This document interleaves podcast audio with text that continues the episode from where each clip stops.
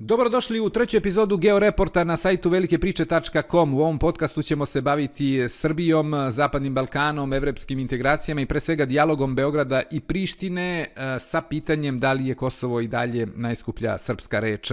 Po ustaljenom pravilu imamo 10 pitanja na koje ćemo pokušati da vam damo odgovore. Prvo pitanje je šta je cilj e, dijaloga e, između Beograda i Prištine, odnosno prvo pitanje je e, zašto su srpski lideri bili u zabludi svih ovih decenija da mogu da podele Kosovo, a drugo pitanje je šta je cilj dijaloga između Beograda i Prištine. Treće je posvećeno pitanju koje se često provlači kroz našu javnost o potpisima, odnosno da li je obavezno potpisivanje i kada će biti između Beograda i Prištine u dijalogu. Četvrto pitanje je zašto Vučić misli da vodi 5-0 protiv Kurtija. Peto, pozicija kosovskog premijera i e, zajednice srpskih opština, odnosno koliko one mogu da utiču na buduću političku karijeru e, kosovskog premijera.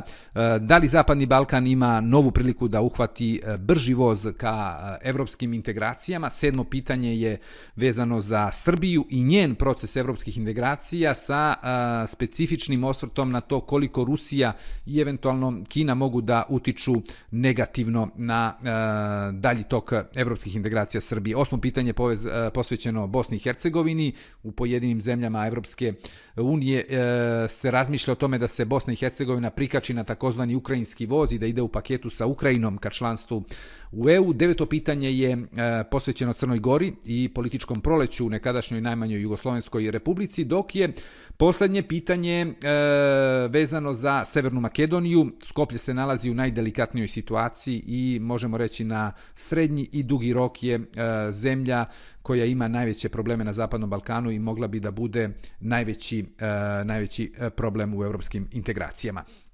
Krenimo redom. Dakle, od prvog pitanja koje je vezano za naše zablude, odnosno zablude naših e, lidera da mogu da podele Kosovo u prethodnim decenijama. E, prvo da kažemo da Kosovo nije najskuplja e, srpska reč, e, bez obzira što ga je tako poetski definisao Matija Bečković, ali jeste najzloupotrebljavanija srpska reč u prethodnih nekoliko decenija.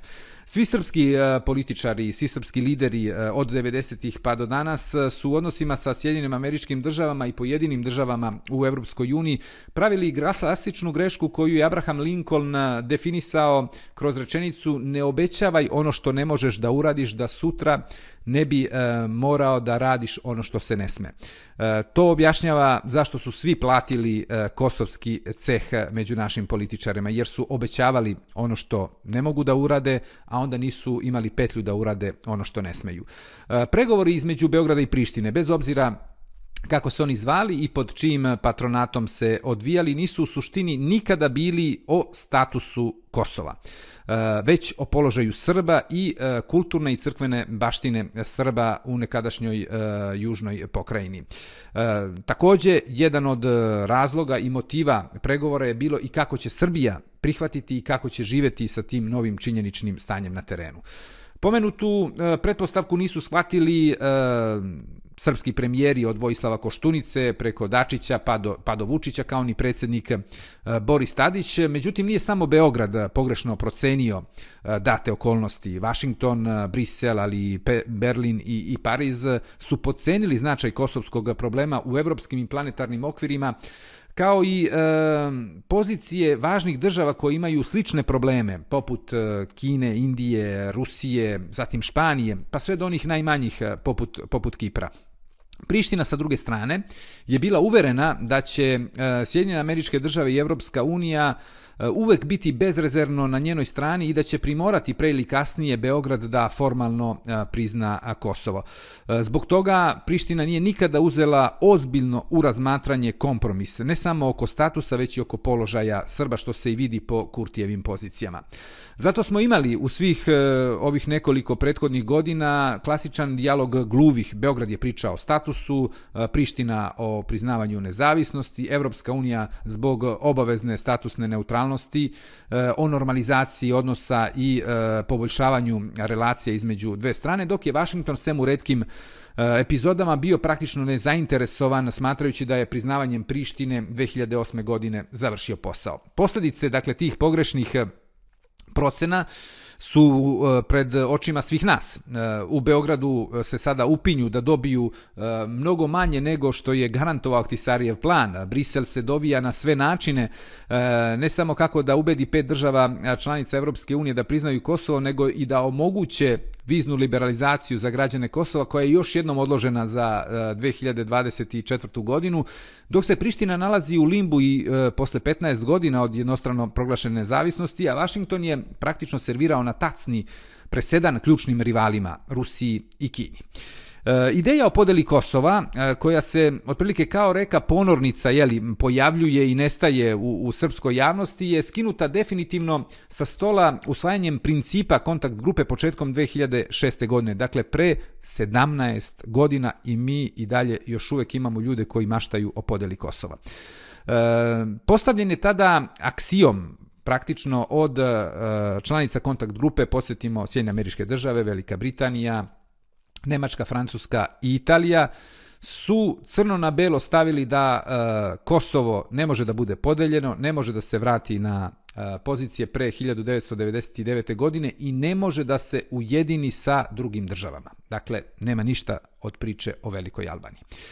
Dakle, e, moglo bi se reći da konačno smo sada konačno smo sada e, stigli u poziciju da srpski pregovarači imaju punu svest i jasnu viziju o čemu se pregovara. O položaju Srba, a ne o statusu Kosova. E, s druge strane, u Vašingtonu i u najznačajnijim evropskim prestonicama su postali svesni da u Beogradu nema ni jednog ozbiljnijeg političara e, koji bi pristao da potpiše formalno nezavisnost Kosova. To je olakšalo poziciju Beograda, a također i učinilo mnogo realnijim e, dijalog i omogućilo mu da dostigne ciljeve. Jer odustajanjem od eksplicitnog zahteva od de jure priznanja e, formalnog Kosova, e, Evropska unija i sad su mogli da pritisnu mnogo jače Beograd da prihvati normalizaciju odnosa sa Prištinom. Sada dolazimo do dijaloga. Šta je cilj dakle dijaloga i da li su Beograd i Priština zamenili uloge u posljednjih nekoliko meseci? Uh, E, stiče se utisak da je došlo do promene uloga, odnosno e, da je Beograd u očima Brisela postao konstruktivniji partner u dijalogu. Naravno, to ne znači da Srbija jel, može da vrati Kosovo u svoj pravni sistem, ta priča je završena za nekoliko generacija, da ne kažemo zauvek, jer ništa nije zauvek, a pogotovo države, dovoljno je konsultovati popis nestalih ili pokojnih država, počev od Serenisime ili od Republike Venecije, Baš kao što su i stavljane adakta i priče o podeli, odnosno o razmeni teritorije između Srbije i Kosova. Postojeći dijalog, dakle, nema za cilj ni priznavanje Kosova od strane Srbije, a ni od pet članica Evropske unije. Nemačko-francuski predlog je postao zajednički predlog Evropske unije upravo zato što ne predviđa priznanje Prištine od Madrida, Bratislave, Atine, Nikozije, i Bukurešta. Njegov cilj je da otvori put Kosova ka članstvu u Evropskoj uniji i NATO-u bez formalnog priznanja od strane Španije, Grčke, Rumunije, Slovačke i Kipra. U suprotnom, Kosovo bi ostalo u limbu i to nije u interesu nikoga u Evropskoj uniji, a najmanje Srbije. U Prištini, nažalost, kao da ne shvataju da u dijalogu nije ulog priznavanje Kosova, nego evropska budućnost Kosova. Naravno, ne treba poceniti ni e, skrajnuti činjenicu da e, Kurt ima svoje unutrašnje, odnosno političke motive koji su vezani isključivo za e, scenu na Kosovu gde se on bori za vlast i sa činjenicom da je on previše puta ponovio da neće pristati na formiranje zajednice srpskih opština, a izgleda da će to ipak morati da uradi i zbog toga cela ova priča oko priznavanja formalnog, neformalnog eh, potpisa samo da bi se skrenula pažnja javnosti na Kosovu.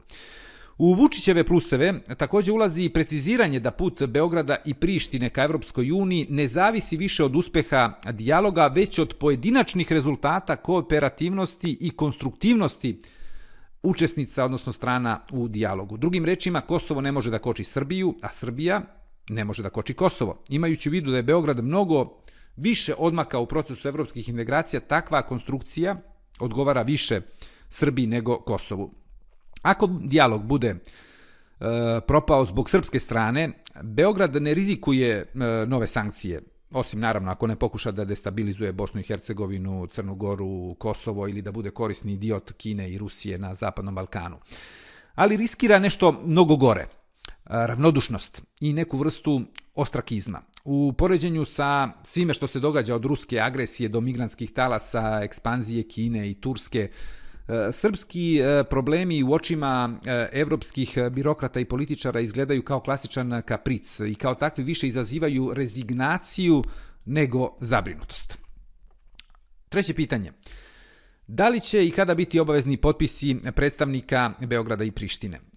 U ovoj fazi procesa a, nije predviđeno potpisivanje nijednog sporazuma u dijalogu između Beograda i Prištine, osim ako obe strane ne izraze želju da to urade. Tako da Kurti insistiranjem na potpisivanju sporazuma čini još jednu veliku uslugu predsjedniku Srbije Vučiću koji može da ubira političke poene na domaćem terenu kako odoleva i ne potpisuje ništa, a u stvari ništa ne mora ni da se potpiše. Naime, potpisi će biti obavezni samo na završnom, sveobuhvatnom i pravno obavezujućem sporazumu, ali mi smo od tog momenta još uvek daleko. Do njega ćemo stići kada Srbija bude bila praktično na a, pragu članstva u Europskoj uniji. To će se možda dogoditi za 5, 6 ili 10 godina, a možda, a možda i nikada. E, krajnji cilj, s druge strane, politike e, Evropske unije, e, kada se govorimo o pet država članica Evropske unije, također nije da priznaju Kosovo u ovom dijalogu, već da e, omoguće Prištini neometani put ka evropskim integracijama i severnoatlantskim integracijama, odnosno ulasku u NATO. U tom kontekstu će biti korišćena čak i jezička egzibicija, E, odnosno Kosovo će biti tretirano kao country, odnosno zemlja, a ne kao state, odnosno država i to je otprilike kompromis koji je postignut između članica Evropske unije da se otvori i evropska perspektiva ne samo na rečima, već i konkretno za, za Prištinu. Sljedeće pitanje je zašto Vučić misli da vodi 5-0 protiv Kurtija? Kosovski premijer je napravio veliki autogol na posljednjem sastanku u Ohridu i Vučić e, verovatno ima pravo kada kaže da vodi 5-0.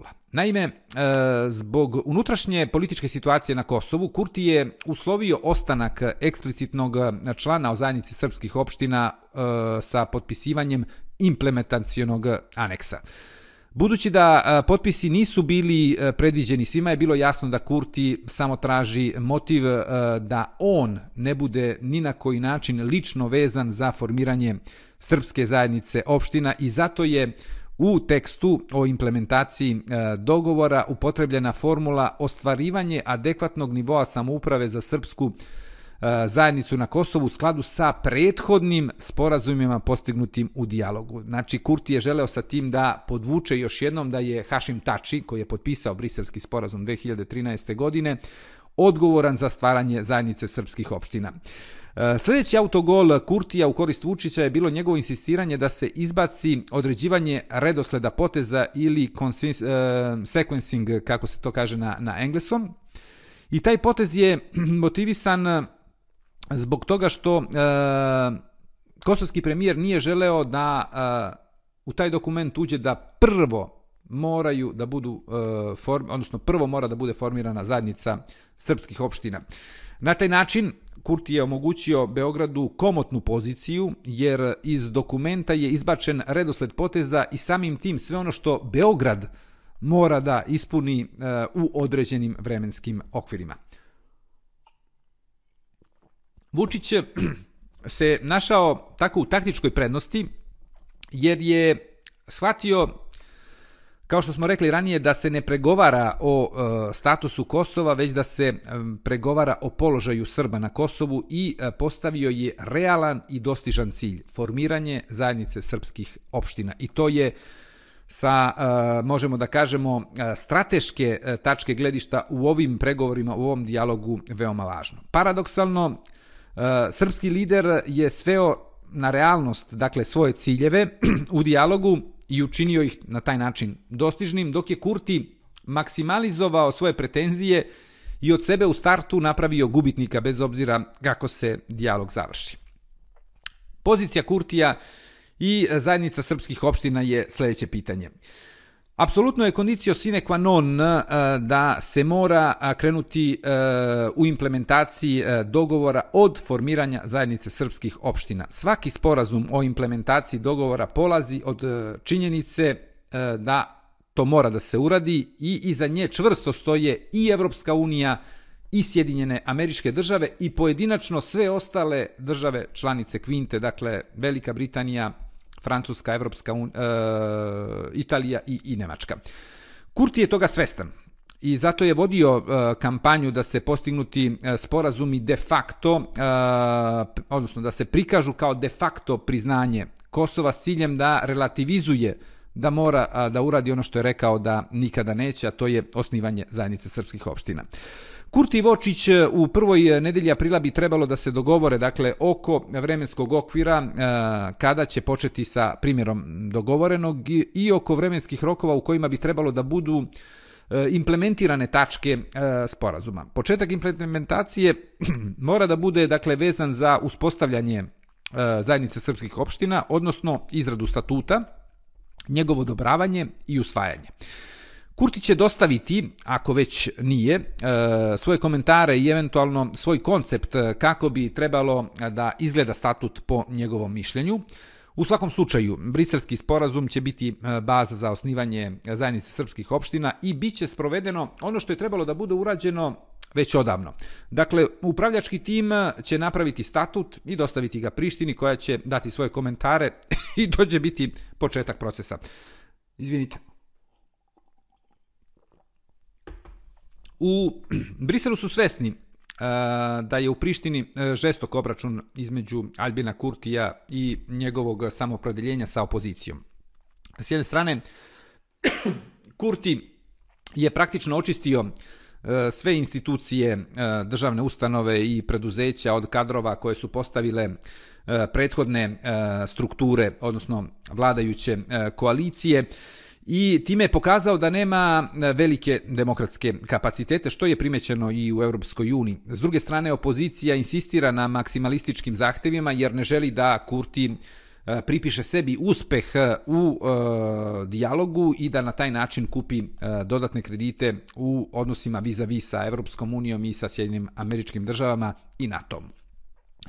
Postoji određeno razumevanje i tu također treba biti e, otvoren za poziciju Kurtija u Briselu i u zemljama eh, e, Kvinte, ali su čvrsti u stavu da kosovski premijer mora da pokaže e, takozvanu, e, takozvano vođstvo, odnosno leadership i sposobnost da donosi teške i nepopularne odluke.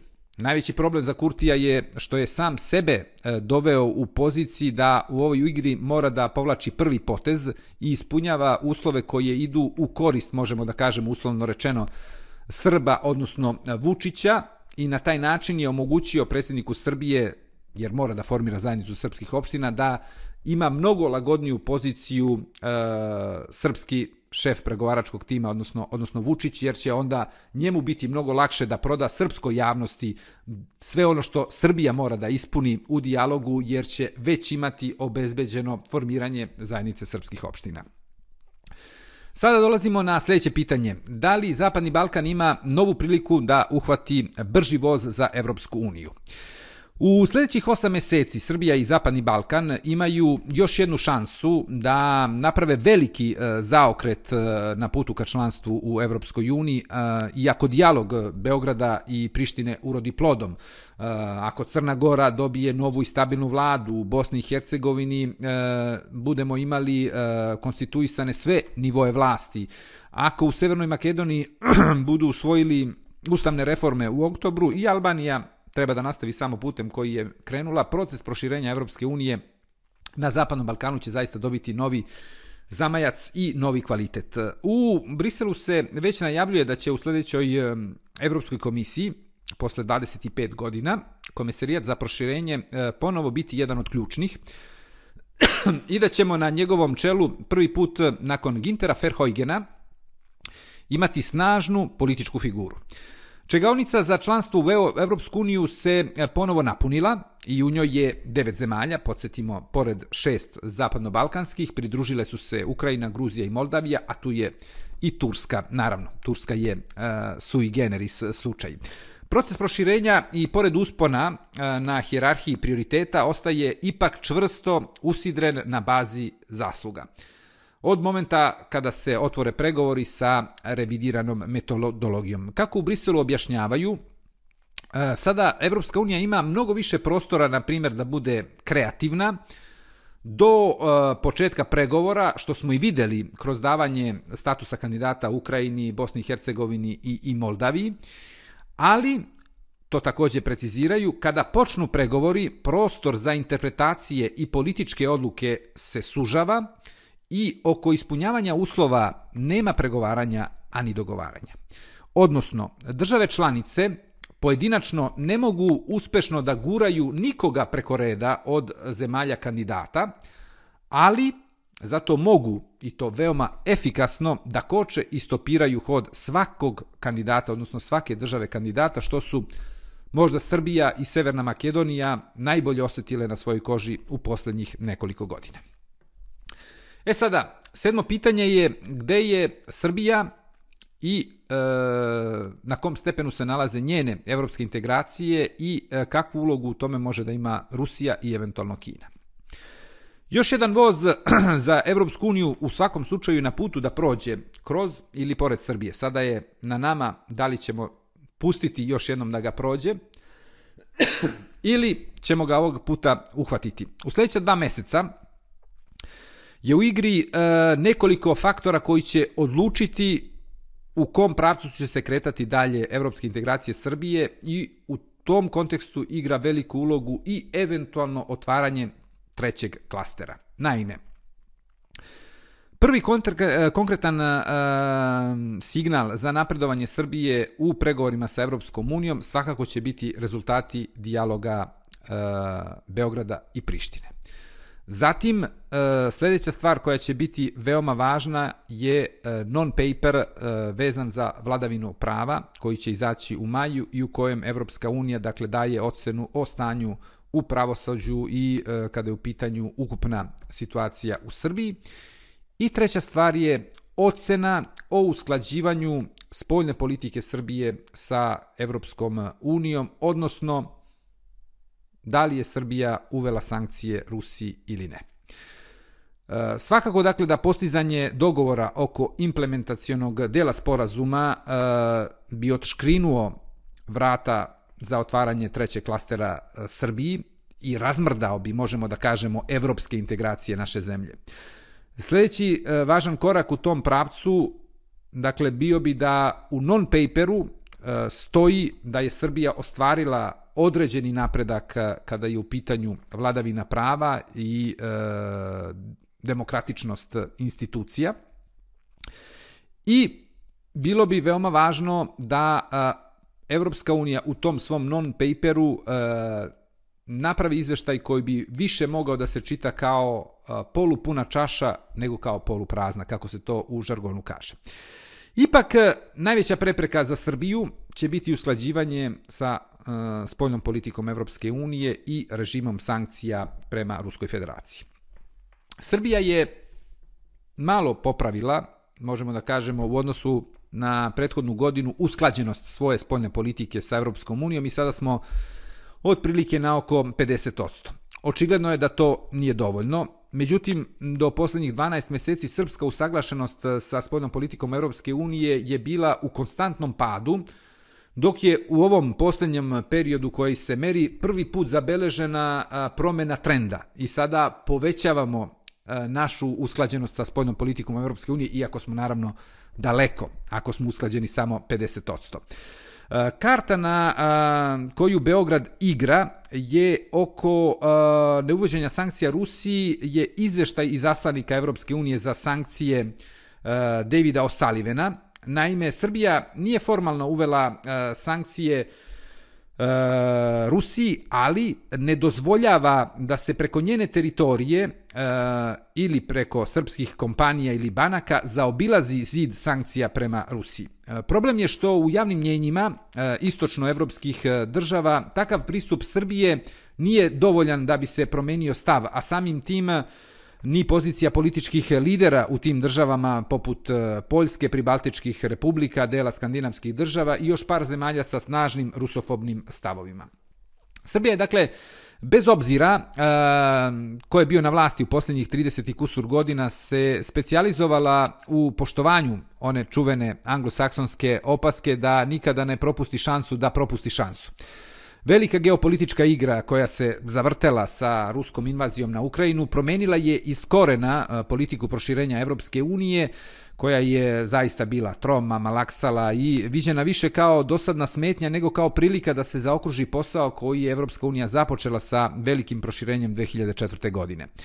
Srbija mora da a, uradi mnogo više konkretnih stvari na terenu. A, revidirana metodologija pregovaranja je zahtevnija i nije dovoljno više usvojiti zakone, reforme, nije dovoljno više ni e, imati puku implementaciju. Sada se traže dokazi da, se, e, da su proizvedene konkretne e, promene na bolje i da su one vidljive u funkcionisanju sistema. To sve neizbežno produžava pregovarački proces.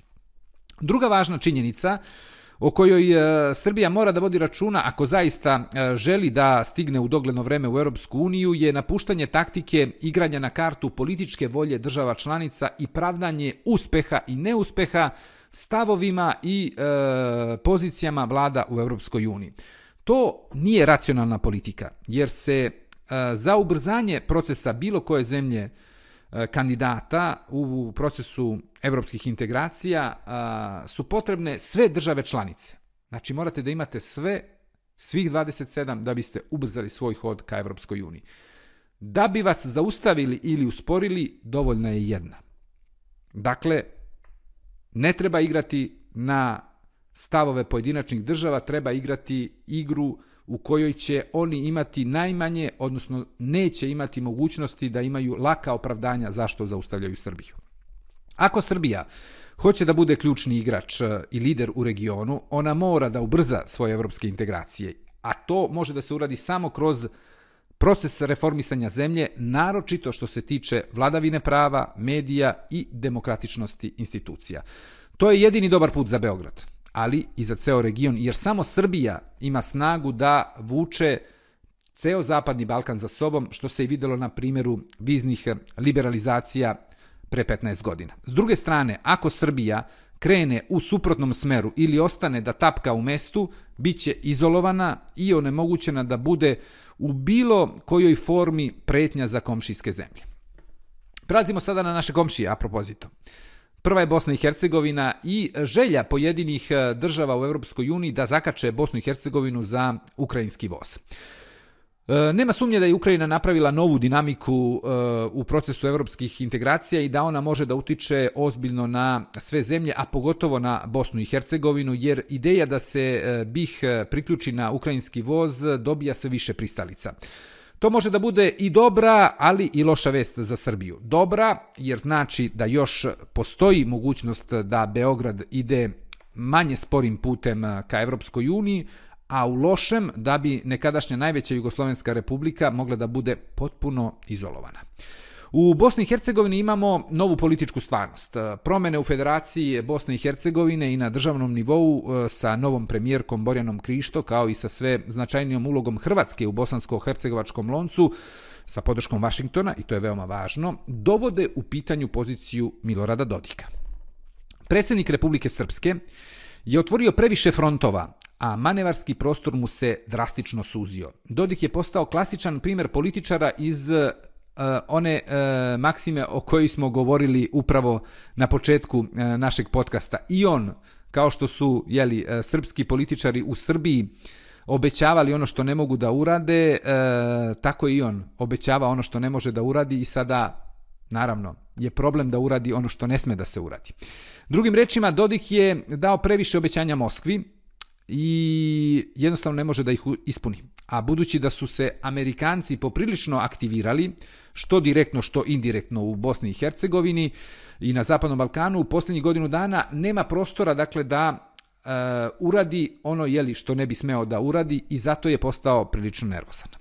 Između Dodika i Dragana Čavića, lidera Hrvata u Bosni i Hercegovini, je došlo do zahlađenja odnosa i to je drugi veliki problem za Dodika. Njihova personalna alijansa je izgubila na težini sa novom kompozicijom vlasti u Federaciji Bosne i Hercegovine, a dovedena je u pitanje i sa novom pozicijom Hrvatske u NATO-u i odnosima Zagreba vis-a-vis sa Vašingtonom. Budući da Dodikovi i Čovićev e, savez nije izraz interesa Srba i Hrvata u Bosni i Hercegovini, već njihovih ličnih afiniteta, tu bi moglo, i to bi moglo da proizvede i proizvodi, značajne promene e, zbog kojih je Dodik dakle, sve više nespokojan.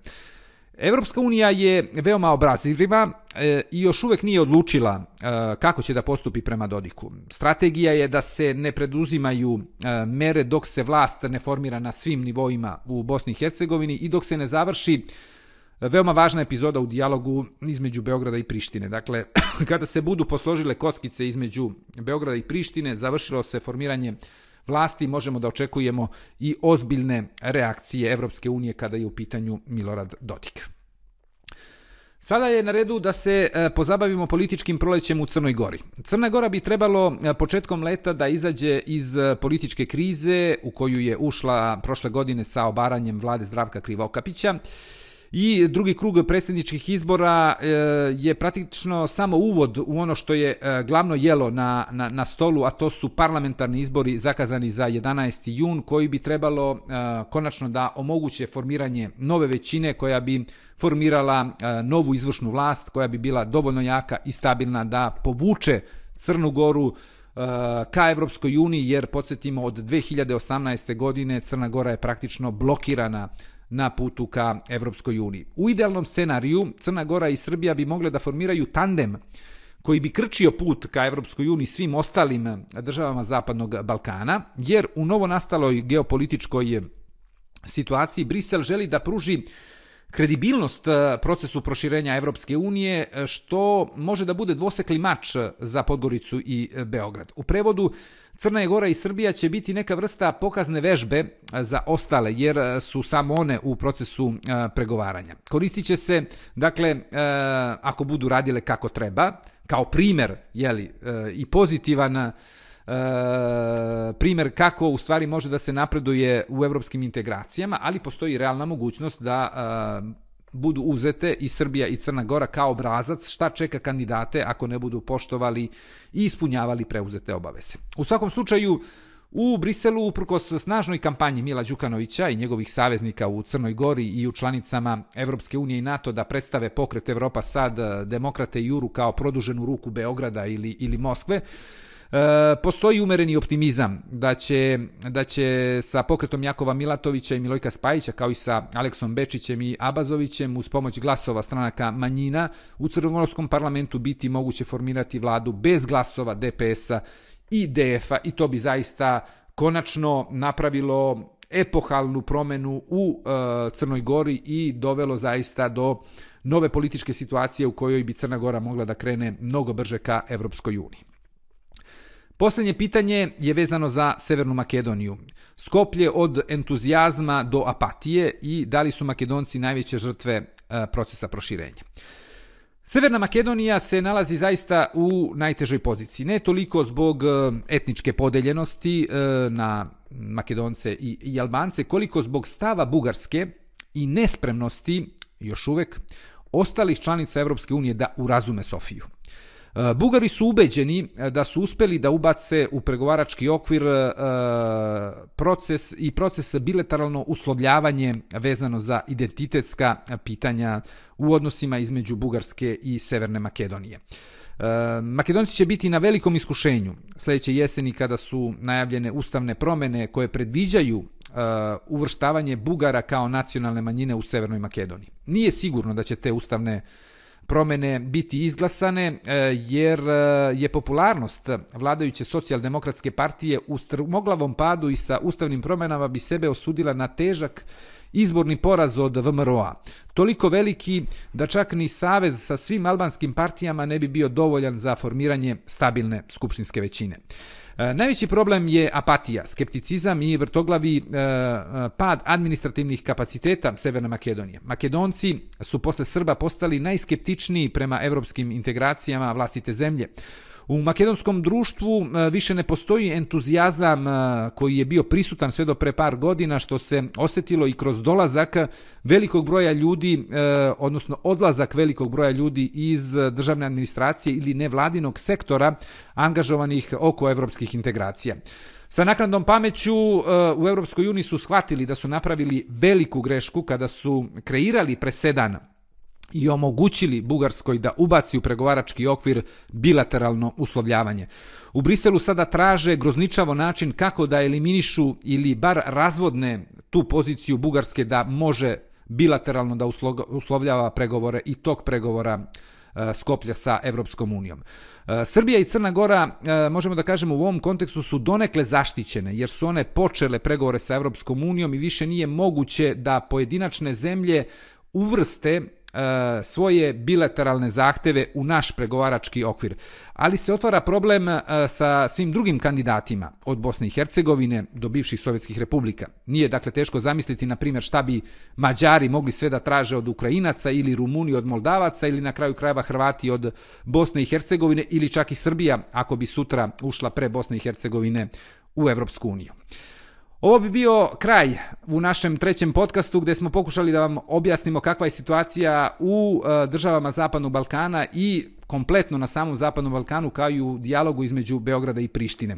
Hvala vam na vašoj pažnji, a u sljedećem podcastu ćemo se baviti Nemačkom i Evropskom unijom. Svako dobro.